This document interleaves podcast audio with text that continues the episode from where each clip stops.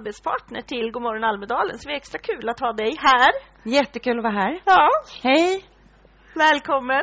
Tack. Jag tror Ida har en första kommentar till dig förstås i och med att ni har ett samarbete på, Ja. med Rättviseförmedlingen. Men Ja. det var faktiskt det första. Jag tänkte ju när jag fick er tre att prata med så tänkte jag, vad vet jag om dem sen innan? Och det första faktiskt jag tänkte med Cision var just, för jag kommer från jämställdhetsfältet, var Ja. att ni har gått ihop från privat sektor och samarbetar med civila samhället kring just jämställdhetsfrågan. Mm. Min, eh, jag var inte själv där, men min eh, VD Frida Karlsson var på ett frukostseminarium eh, tillsammans med er och Rättis. Mm. Ja. Där, där eh, ni berättade hur influerad ni har blivit och att bara granska sig själv. Att shit, Mm. men vi var ju inte jämställda fast vi kanske trodde det och vi har ju massa brister. Mm. Vad har, liksom, vad har ni lärt er av det och vad, vad skulle ni vilja skicka med till andra företag som, som kanske inte ens tänker tanken på att man kan faktiskt få kunskap av, om, av civila samhället på olika sätt? Alltså jag tycker det viktigaste är att vi såg, vi såg på oss själva som eh, en jäms, vi finns i en ganska jämställd bransch. Det är väldigt mycket kvinnor och unga människor i kommunikationsbranschen. På PR-byråerna finns det massor av unga och massor av kvinnor. Vi är ganska jämställda. Vi är ungefär hälften kvinnor och män på Sischen. Och eh, tänker att vi jobbar efter jämställda värderingar. Men genom att göra en sån enkel sak som Rättviseförmedlingen förespråkar, att faktiskt räkna. Praktiskt, faktiskt, teoretiskt kolla.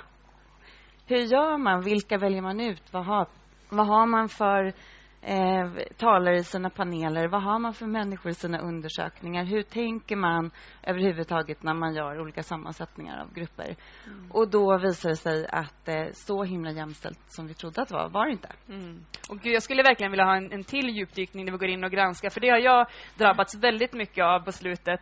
När jag korrar alltid texter innan det går ut så, när någon ska göra pressmeddelande, jag ska bli citerad och sådär. Och vill, rubriken vill jag gärna också se, för att den är oftast så skev. Alltså där kan vi se så mycket könsaspekter som vi inte tänker på. Någon gång när jag blev intervjuad utifrån Fatta-kampanjen som jobbar mot sexuellt våld för samtycke, så skulle rubriken då vara eh, fler unga tjejer våldtas och sen var det någonting Ida jobbar för att tjejers rätt att säga nej. Då säger jag nej, alltså byt rubriken till fler unga män våldtar. Vi måste sätta fokus på förövaren än en gång så gör vi det enkelt för oss. Vi måste prata om det faktiska. Och jag kämpar inte för tjejers rätt att säga nej, det är en självklarhet, utan jag kämpar för killars rätt att lyssna på det här nejet och att de måste börja förstå och ta till sig det. Och då sa de, nej men det blir så svårt och man kommer inte förstå. Liksom. Och den utmaningen, att gå in också och fundera kring, ge verktyg. Hur kan vi tänka även textgranskningsmässigt? Vad sänder vi ut för budskap? Ja, jätteviktigt. Ja, men det är inte därför du är här egentligen, utan du är här för att ni har släppt en journalistrapport som Britt Ja. ska berätta om. Ja. Eller om. det får ju Jenny göra, men du, ni släpper den imorgon. Ja, Ja, det stämmer. så berätta vad ni har kommit fram till, vad är det för undersökning? Ja. Eh, det är en journalist och kommunikatörsundersökning som vi gör i egen regi på Ni har gjort den förr? Eh, det är femte året i rad som vi Ja. gör den. Och det är fler än någonsin som har deltagit. Det är jätteroligt. Det är 51 procent kvinnor och 49 procent män som har svarat på undersökningen. Och det är nästan tusen journalister som har svarat, vilket känns eh, jätteroligt. Och nära 500 kommunikatörer. Mm. Så att syftet med den undersökningen, och vi har ställt frågorna på samma sätt nu i fem år för att kunna göra relevanta jämförelser också. Eh, det är ju att kartlägga arbetssätt och utmaningar som finns i de här två yrkesrollerna och inte minst relationen dem emellan. Eh, I takt med att medielandskapet förändras, Ja. maktbalansen förändras mellan kommunikatörer, eh, journalister, PR-konsulter och eh, kommunikatörer på bolag och organisationer. Eh, så det är väldigt intressant att följa. Och vad har ni sett? Hur ser Eh, det ut? Många trender som vi såg förra året bekräftas och förstärks i år. Eh, det handlar om att journalisterna får egentligen... Eh, de journalister som finns kvar, det antalet journalisttjänster minskar ju i Sverige. Jag tror att det blev 400 journalisttjänster färre 2013 och vi har sett stora varsel i år också. Mm. Eh, så journalisterna säger sig få mindre och mindre tid till varje nyhetstips. Och det ställer ju andra krav på kommunikatörerna. Hur, vill vi, hur behöver vi tänka för att få ut våra budskap genom journalister? Så det är det ena där vi har eh, olika tips och rekommendationer baserat på vad undersökningen kom fram till. Det andra är ju att egna kanaler, som vi har pratat om i flera år nu, Ja. eh, ökar ännu mer och vi menar att nu är paradigmskiftet verkligen här. Mm. Att egna kanaler är, är otroligt starkt och det säger alla kommunikatörer att de kommer satsa mer på. Mm. Ser man i undersökningen något vad journalisterna tycker om det här egna innehållet? Har ni kunnat titta på det? Hur värderar de det? Fanns det... Vi har inte eh, precis många frågor till journalisterna om hur de ser på egna kanaler. Men vi har bjudit in eh, representanter för de här arbetsgrupperna eh, till vårt seminarium så att vi ska få höra dem diskutera direkt med varandra hur de ser på den här maktbalansen, vem som faktiskt producerar mm. morgondagens nyheter. Mm. Så det ska för bli intressant. Ser, för det är, ju, det är ju definitivt så att det finns en hög relevans att våga producera eget innehåll. Mm. Eh, och det betyder inte att, att tittarna inte kommer kunna vara eh, kritiska och, och det, man får vara väldigt tydlig med vem man är som avsändare och så. Det finns en ja. hög relevans och mm. apropå det vi pratade med Elisabeth nyss om, om de aktiva fansen, kunderna, mm. eh, konsumenterna man har. Det finns en relevans i det, absolut. Mm. Men det vore så kul att höra vad journalisterna egentligen, hur förhåller de sig till allt det här, content mm. marketing och allt innehåll. Mm. Som, så till nästa års undersökning kanske ni kan få med en vass fråga kring det. Absolut. Det vore lite spännande mm. och så. Tycker jag också. Mm. Men Ida, du får väl vara någon slags representant som kan eh, berätta lite om hur, hur du jobbar med de här kanalerna och era mm. journalistrelationer som lite inspel till, till Jenny här kring mm. morgondagens eh, släpp av deras undersökning. Ja, men när vi satt innan och sa jag så här, men jag har ju aldrig någon strategi riktigt och ändå så lyckas jag alltid få ut grejer. Och då sa du, men det är väl det som du har? Alltså, och det är en strategi. Inte, ja, alltså, att inte ha en strategi är en strategi. Ja. Nej, men att jag ja. inte kanske vet exakt den här tiden, den dagen ska det ut. Så nu ska vi släppa en stor satsning Fatta man, där vi ska jobba med, med mäns ansvar för sexuellt våld. Och, och då så funkade inte min, eh, ja, där jag skickade ut pressmeddelanden, den bara stängde ner sig. Och jag kände så här, panik, vi ska ut det här idag liksom. Och det började ticka och helt plötsligt så istället för sju så skickades det ut klockan två till alla. Mm. Och jag kände, nej men gud, det här är kast. Vi kan ju inte gå ut i våra egna kanaler innan de har sett det här. Och sen tänkte vi, ja men skitsamma. Liksom. Mm. Vi har 40 000 följare bara på Facebook, vi går ut med det här nu. Mm. Och när vi gjorde det så bara ringde ju alla medier. Liksom. Mm. Och att det kanske inte är den här vanliga traditionella, liksom, skicka ut pressmeddelanden mm. till de journalisterna. Och jag kan bli lite less på mig själv att jag verkligen följer med i det här maktspelet. Men jag, jag skriver ju oftast direkt till programledare och journalister på, på Facebook och Twitter och liksom, mm. gå inte de traditionella vägarna. Mm. Eh, och det är det som ger effekt. Det är ju de mm. kontakterna, de personliga kontakterna som funkar för oss. Och skapa de personliga relationerna. Men mm. där blir det också någon slags maktordning. Vad hände då för Ida när hon var 19 bast och inte hade de kontakterna? Mm. Jag får inte lika stort genomslag. Nej. Så det blir någon slags demokratiaspekt i det som kanske fallerar. Absolut. Och jag tror det är väldigt olika också vem man är och det är därför man måste och vad man representerar för varumärke som kommunikatör. Mm.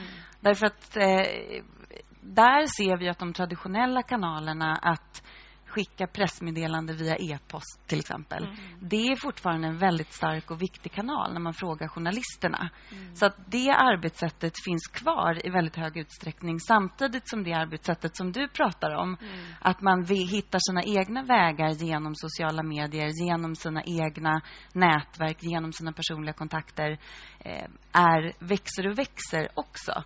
Men där finns det inte ett recept som passar alla. Det är ganska stor skillnad om man är ett stort eh, globalt börsnoterat bolag eller en, en liten lokal organisation kring en ideell fråga. Mm. Alla behöver ju få ut sina budskap. Mm. Eh, och jag tror att där kan kan man, om man är aktiv och vågar testa, omvärdera, mäta, analysera, testa mm. igen. Mm. Eh, många som pratar om hur man ska lyckas med content marketing, där går det ut på att man ska misslyckas mm. eh, väldigt många gånger för att lyckas. Mm. Eh, så jag tror alla, det kommer nog bli en av slutsatserna också imorgon, att man behöver hitta sin mix, hitta sina influencers. Mm. Eh, det finns de som inte alls jobbar med, via journalister mm. idag.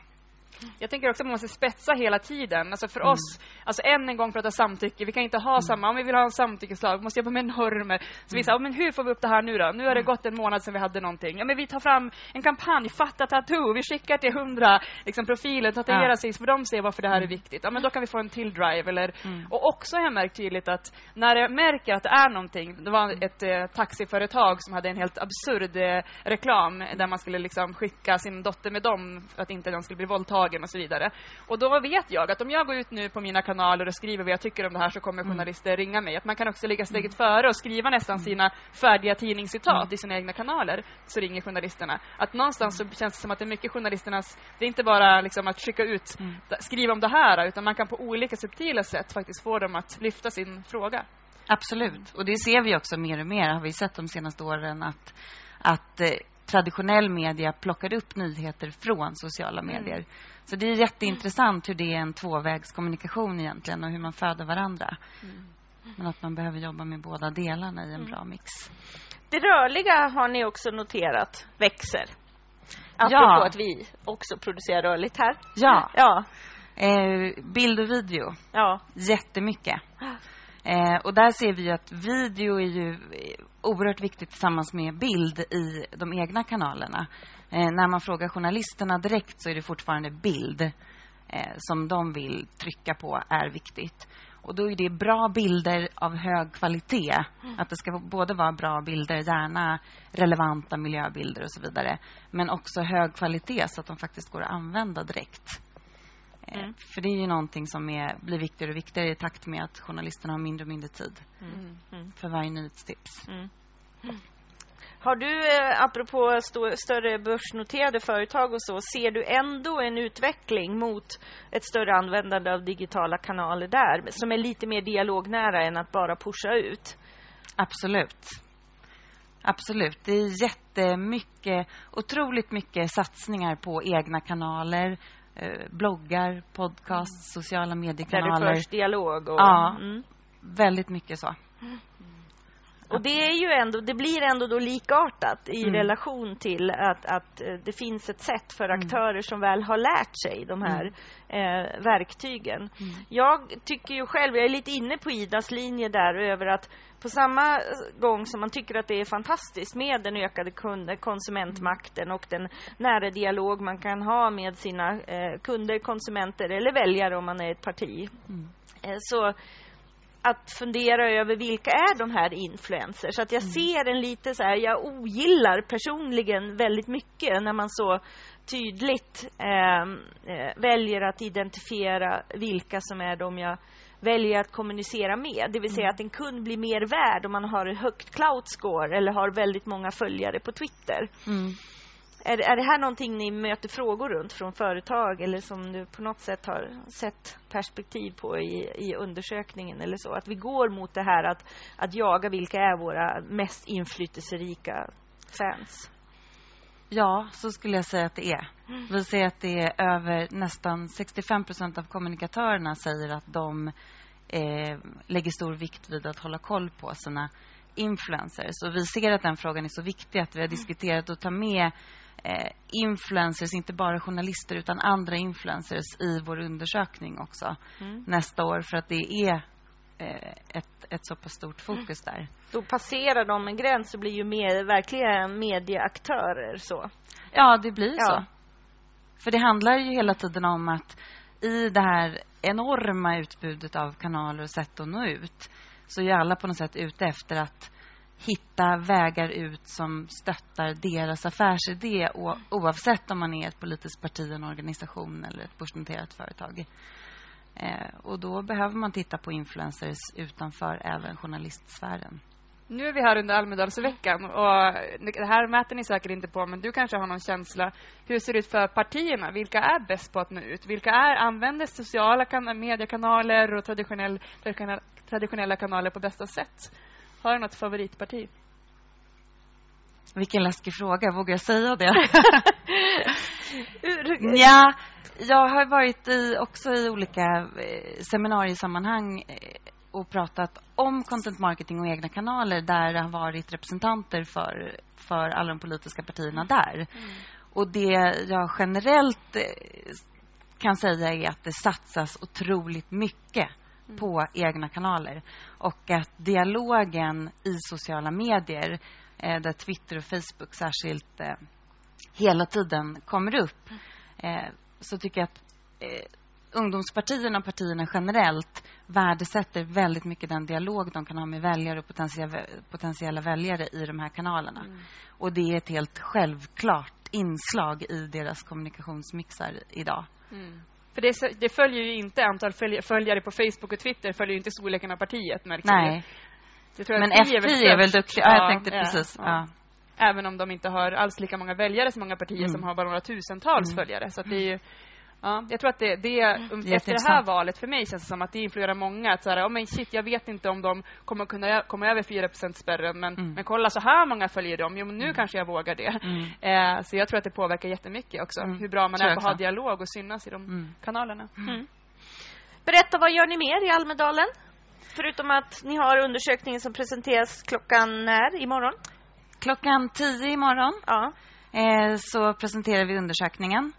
Eh, och då har vi ju även eh, bjudit in en panel för att mm. få lite reflektion och, eh, och eh, anknytning till verkligheten. Så vi har två kommunikatörer som kommer. Det är eh, Edvard Lind från Skanska och sen så har vi Jonas Lindvang, eh, Ny, eh, Nyvang Lindberg från Björnborg. Och sen är det Åsa Melin Mandre från Greenhill och Rolf van den Brink från Dagens Opinion. Så att vi har representanter för kommunikatörer och journalister i vår panel. Det ska bli spännande att diskutera med dem också. Mm. Eh, det är det som Sishen gör. Sen ja. ska väl eh, min kollega dyka upp här, tror jag. Ja, onsdag och fredag. Ja. Prata om content marketing på onsdag. Mm. Eh, och eh, på fredag ska vi prata bloggandet. Att det fortfarande är nav i kommunikationen och så. Ja. Ja. ja, vi tackar dig så väldigt mycket. Tack så mycket. Eh, ha en kul Almedalsvecka. Det ska jag. Ja, tack. tack. Hej. Nu ska vi kika lite på vad vi har för tips, tror jag. Eh, är det så? Ja, men då kör vi. Ja, det är nog någon som vill berätta. Jaha, en direktrapport ska ni få eh, härifrån eh, Donnels plats i Visby vid eh, Visby hotell. Jag har precis lämnat hotellet på väg till Expressens valstuga. Där hände mycket denna måndag klockan 11. Då möter jag Socialdemokraternas eh, partiledare Stefan Löfven för en första stor partiledarutfrågning. Så det är lite spänt här nu timmarna innan. Jag är på väg ner för att prata med mina kollegor och vi ska naturligtvis också sammanfatta gårdagen och bläddra i Expressens Almedalstidning. Det hoppas jag att ni alla gör under den här veckan.